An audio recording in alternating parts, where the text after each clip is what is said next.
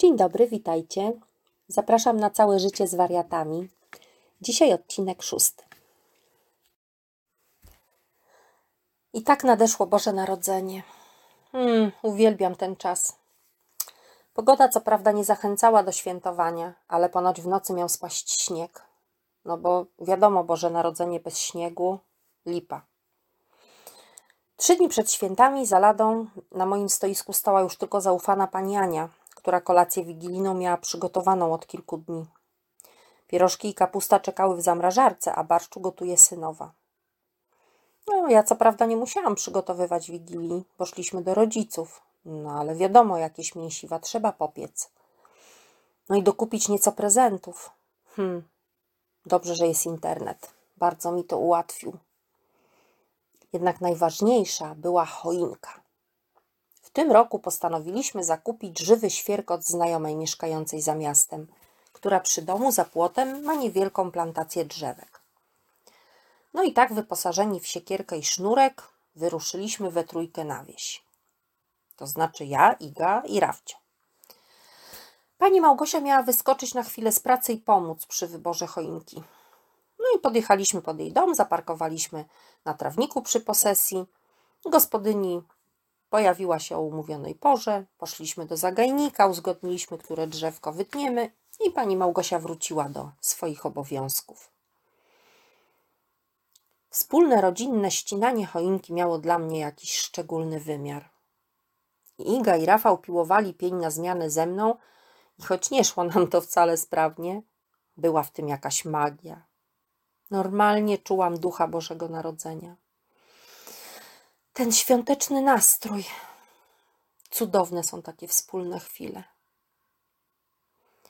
Wreszcie ścięte drzewko zostało przez nas zaciągnięte na skraj lasku. Wyszliśmy spoceni w ubłoconych butach, ale uśmiechnięci, radośni. Na przystanku po drugiej stronie ulicy stała para. Nieduża kobieta z siwą głową i mężczyzna w czapce ciecia maliny z nausznikami. Ładnie to tak kraść komuś choinkę spod domu? zawołał mężczyzna. Czy to do nas? Nikogo poza nami tam jednak nie było. Słucham? zapytałam, bo wolałam się upewnić, czy ten pan coś do nas mówił. Co? Nie chce się jechać na rynek? Żal pięćdziesięciu złotych na choinkę wydać? Lepiej ukraść, wyciąć drzewo z lasu. Facet był dumny ze swojej zjadliwości, a we mnie się zagotowało. No, właściwie nie wiem dlaczego, bo mogłam go przecież zapić siłą spokoju. Czy pan naprawdę myśli, że wycięlibyśmy komuś spod domu, spod płotu choinkę? Oszalał pan? Zaczęłam się śmiać, bo głupich nie sieją, sami się rodzą. A tu taki okaz. Jeszcze się śmieje, powiedział uprzejmy pan do swojej towarzyszki. Kobieta się nie odzywała i wyglądała, jakby było jej wstyd za tego gościa. Proszę dzwonić 997, zawołałam do faceta. No bo jak tu dyskutować z takim obserwatorem? Zapewne należy do tych z typu uprzejmie donoszę. W każdym razie tak mi się kojarzył w tych swoich nausznikach. Stałam tak i patrzyłam na niego z pobłażliwym uśmiechem, jednocześnie wciągając choinkę na dach samochodu. I wtedy z domu obok wyszła starsza pani, która stanęła na przystanku obok komentującego pana.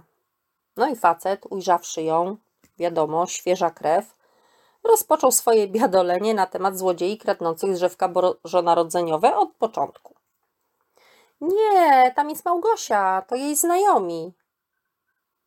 Usłyszałam, co oznaczało, iż to ja miałam rację, niewygadany pan, który zrobił się momentalnie czerwony i zasapał głośno, a pani okazała się mamą Małgosi. Może jakieś przepraszam? zawołałam głośno. Nie, nie przeproszę, na pewno nie. I rozpoczął swoją tyradę od początku. No tak, parkują gdzie chcą. Zastawią człowieka. Sobie by tak nie zaparkowała. I zupełnie nie pamiętał, że pod jego domem kilka minut wcześniej parkował ogromny tir, który zastawiał nie tylko trawnik, ale i wjazd na posesję. A choinka? No cóż, choinka po ustawieniu w stojaku i ubraniu w lampki, bombki i łańcuchy przewróciła się, niszcząc wszystko, co znalazło się w jej pobliżu. Z parapetu zjechały dwie doniczki, a kwitnące w nich storczyki zostały połamane. Poza tym drzewko upadając pohaczyło i pozaciągało jedną z nowych zasłon, a kilkanaście bombek, w tym moich pamiątek z dzieciństwa, potłukło się w drobny mak. O łańcuchach lepiej nie wspominać. No i choinkę trzeba było rozebrać, zakupić nową, stabilniejszą. A wiadomo, w wigilię zakupu drzewka można było dokonać już tylko w markecie, gdzie tak naprawdę zostały same ochłapy. Albowiem stragany z choinkami, których było pod moim blokiem chyba z pięć, na dzień przed Bożym Narodzeniem już nie były rozkładane. Hm. Wszyscy chcą mieć święta. A pancia z miasta niech wszystko organizuje dużo wcześniej, a nie na ostatnią chwilę. O matko, muszę chyba zacząć brać przykład z pani Ani. Szkoda tylko, że choinki nie da się zamrozić. Na tym koniec odcinka szóstego całego życia z wariatami. Jeśli Wam się podobało, dajcie łapkę w górę. Wiecie co? U mnie za oknem kumkają żaby. Jest naprawdę przeuroczo.